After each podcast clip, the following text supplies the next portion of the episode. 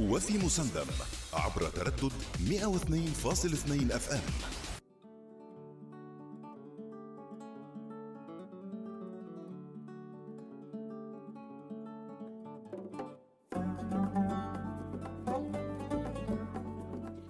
تأخذ اللقاح أم لا تأخذ اللقاح؟ هل هناك آثار جانبية للقاح أم لا توجد آثار جانبية للقاح كوفيد 19 متى سيصل اللقاح إلى السلطنة؟ وشو أبرز المخاوف الموجودة في ذهنك فيما يتعلق بلقاح كوفيد 19 إذا راح نتعرف على آه، تفاصيل الاستبيان. استبيان تقييم مستوى الوعي المجتمعي والمواقف والممارسات المتعلقة بلقاح فيروس كورونا مع الأستاذة حليمة البلوشية. صباح الخير أستاذة حليمة وصباح الصحة والعافية. آه، صباح النور عليكم أختي مديحة وعلى جميع المستمعين. يا هلا ومرحبا فيك. إذا حديثنا راح يكون معك وأنت المشرفة الوطنية بقسم الأمراض المشتركة والأمراض المنقولة بالماء والغذاء وطب السفر بالمديرية العامة لمراقبة ومكافحة الأمراض. أول شيء أستاذة حليمة عارفين أكثر عن هذا القسم؟ وش هي آه، يعني اختصاصاته؟ شكرا جزيلا على جهودكم الكبيرة أستاذة مديحة ودعمكم المستمر لوزارة الصحة والبرامج الصحية المختلفة آه، طبعا آه، إحنا اليوم بنتكلم عن الاستبيان عن تقييم مستوى الوعي المجتمعي والمواقف والممارسات المتعلقة بلقاح فيروس كوفيد 19 في السلطنة. نعم. طبعا الهدف الأساسي من هذا الاستبيان هو تعتزم وزارة الصحة ممثلة بالمديرية العامة لمراقبة ومكافحة الأمراض بالتعاون مع الجهات المعنية الأخرى إجراء استبيان وطني حول المعرفة والمواقف والممارسات المتعلقة بلقاح كوفيد 19 حيث يكمن دور هذا النوع من الاستبيانات في محاولة الحد من آثار الوباء المعلوماتي بالتقرب من المجتمع أكثر وفهمه وتعزيز المعلومات السليمة لديه. وكذلك دحض المعلومات المغلوطة والشائعات من خلال الوقوف على مدى معرفة أفراد المجتمع باللقاح ومواقفه فيما يتعلق به والممارسات التي ستبنى على هذه المعرفة والمواقف بإعطاء اللقاح. ممتاز. إذا الكثير من النقاط المهمة جدا وهناك شائعات كثيرة طرحت حول آه، هذا اللقاح وأيضا المضاعفات الجانبية. فحلو أنكم أيضا تقيسون هذا الوعي. متى راح يبدأ هذا الاستبيان ومن هي الفئات اللي راح يشملها؟ أو حتى عدد العينة؟ نعم أختي مديحه بمشيئة الله سينطلق الاستبيان اليوم الثلاثاء بتاريخ 15 12 2020 وقد تم تقدير العدد المطلوب للمشاركة كحد أدنى بحوالي 3000 شخص تم اختيارهم بشكل عشوائي. طبعا بيشمل العمانيين والمقيمين من مختلف محافظات السلطنة. مع العلم أنه كلما زاد عدد المشاركين أثمر ذلك عن نتائج أكثر دقة وتمثيلا لشرائح المجتمع المختلفة. ما هي الطرق المستخدمة لجمع العينات والمعلومات آه، من هذه الاستبانة؟ أيوه سؤال جدا مهم أختي مديحة بالنسبة لآلية الاستبيان سيكون عن طريق تلقي الشخص الذي وقع عليه الاختيار لمكالمة هاتفية ترد إليه من المركز الوطني للإحصاء والمعلومات تقريبا مدتها خمس دقائق. نعم، كيف يكون دورنا أيضا الاجابه عن هذا الاستبيان ليكون أيضا ناجح في استقراءه آه، لكل المعلومات المطلوبة؟ نعم أختي مديحه. هو سيتم طرح مجموعة من الأسئلة على الشخص المشارك، أسئلة منها تتعلق ببعض البيانات العامة آه، عن المشارك وأسئلة أخرى تتعلق بما يعرفه حتى الآن من معلومات عن اللقاح وموقفه وما سيتبناه من ممارسات وسلوكيات تتعلق باللقاح. السؤال الأهم أستاذة حليمة عن يعني ماذا بعد إيجاد هذه النتائج ونتائج هذا الاستبيان في ماذا ستستخدم وماذا آه، ستحرك أيضا من قرارات؟ نعم. آه، بالنسبة لاستخدام النتائج آه، جاء سيمثل هذا الاستبيان استطلاعا محليا أسوة باستطلاعات الرأي العالمية في هذا الصدد. وللإجابة على أهم التساؤلات التي تدور في ذهن المجتمع ورفع مستوى الوعي العام حول اللقاح. وكذلك تسليط الضوء على أهم التحديات من خلال الحملات التوعوية.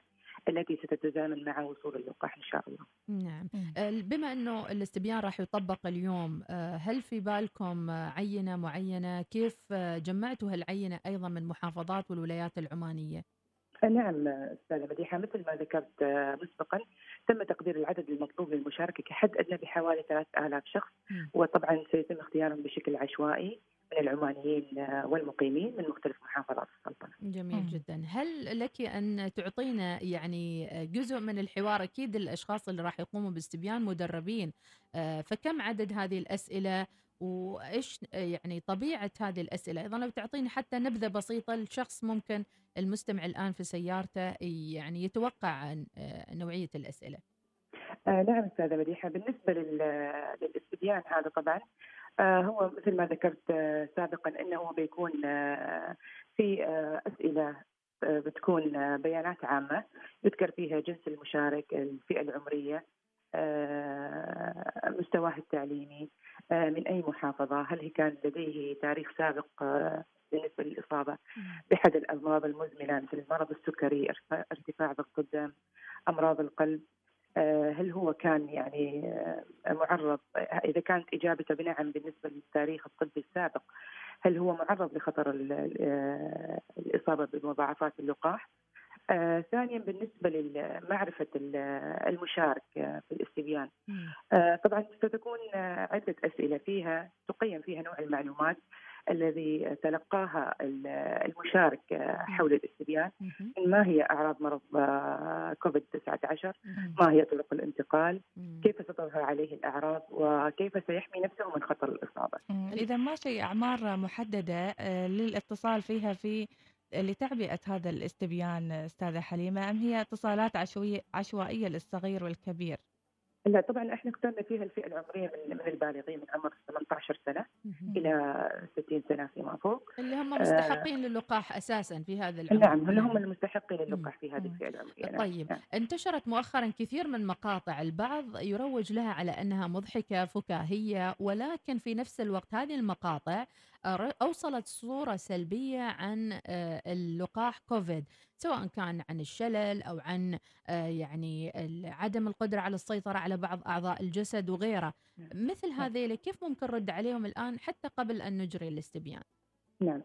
آه، أستاذة مديحة بالنسبة للرد على الشائعات إحنا عندنا لجنة إعلامية آه، ممثلة من وزارة الصحة ومن وزارة الإعلام. طبعا ترد وتدحض هذه الشائعات. ومن هذا المنبر أنا أؤكد بأن نجاح هذا الاستبيان هو مرهون بتجاوب الجميع والمصداقية والواقعية في الإجابة على الأسئلة الواردة ذلك ليش؟ لأن نحن يعني من أجل تحقيق الهدف الأسمى وهو التصدي لهذه الجائحة وآثارها مم. طبعا هذه هي تفعيل من خلال تفعيل المسؤولية الفردية والمجتمعية المبنية على أسس علمية قوية وواضحة والمراعية طبعا لخصوصية المجتمع العماني. متى. متوقعين تظهر النتائج ويتم الإعلان عنها أم يعني سيتم الإعلان عن جزء من النتيجة إن شاء الله هي أول ما نخلص إحنا فيها ال- الاستبيان آه، بتعرض فيها النتائج قبل وصول اللقاح. بإذن الله. محتاجين فعلا على على مراحل أيوه. بإذن الله شكرا لك أستاذة حليمة وهذا التوضيح وإن شاء الله أي واحد اليوم يجي اتصال كذي مفاجئ يكون عنده علم ويعطيكم مساحة من وقته ويجاوب على الأسئلة بإذن الله جزاك الله كل خير أختي مديحة الله يسلمك إن شاء الله. شكرا, شكراً لك، جزيلا شكراً أستاذة لك. حليم الله بارك يسعدك الله. فيك، شكرا لك إذا مثل ما ذكرنا قبل وصول آه، اللقاح لابد أن يكون هناك استقراء عام آه، من وزارة الصحة على توجه المواطنين والمقيمين وآرائهم في هذا آه، اللقاح ويعني كثير من مم. الأحاديث تدور أحيانا آه، في يعني مجالسنا في بيوتنا من عن اللقاح من يعني. كثر الأخبار اللي مم. توصل من كثر الأخبار اللي توصل من هني وهناك يعني ما عرفوا إيش الصح إيش الخطأ مم. في آه، أشخاص قالوا إنهم توفوا من اللقاح مم. فحلو إنكم يعني إن الوزارة آه، تقيس الوعي قبل حتى لا آه، تعطيهم اللقاح بالضبط من اللي راح يعزف عن آه،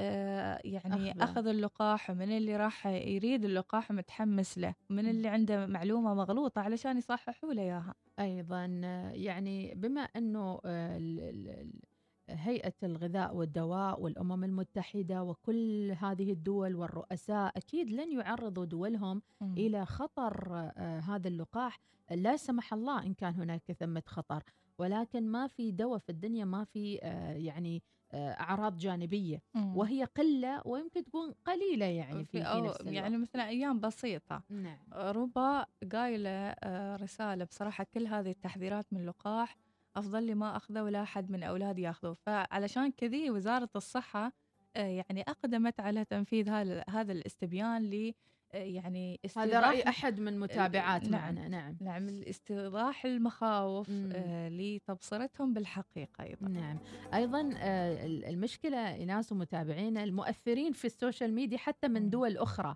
مم. سواء كان من دول أجنبية مغنيين آه، أو كانوا مؤثرين في المواقع التواصل دكاترة أو غيره لما هذا الشخص يعطي رأيه في موضوع عام مثل هذا الموضوع أكيد يتشكل من خلاله وجهات نظر لدى المتابعين عنده مم. فإما يدفعهم لاخذ اللقاح أو يدفعهم للعزوف عن اللقاح وطريقته أصلا ينتبه. طريقة ال- اللي يتكلم في هذه المقاطع طريقته مم. إنه فاهم وإن المعلومة عنده هي اللي تخوف وهي اللي توصل المعلومة بشكل ربما حقيقي أو حتى مغلوط حتى إذا كانت المعلومات يعني معلومات لا مصدر لها ومعلومات مشوهة. خلونا نطلع فاصل سريع وراجعين. استمعوا لنا في البريمي على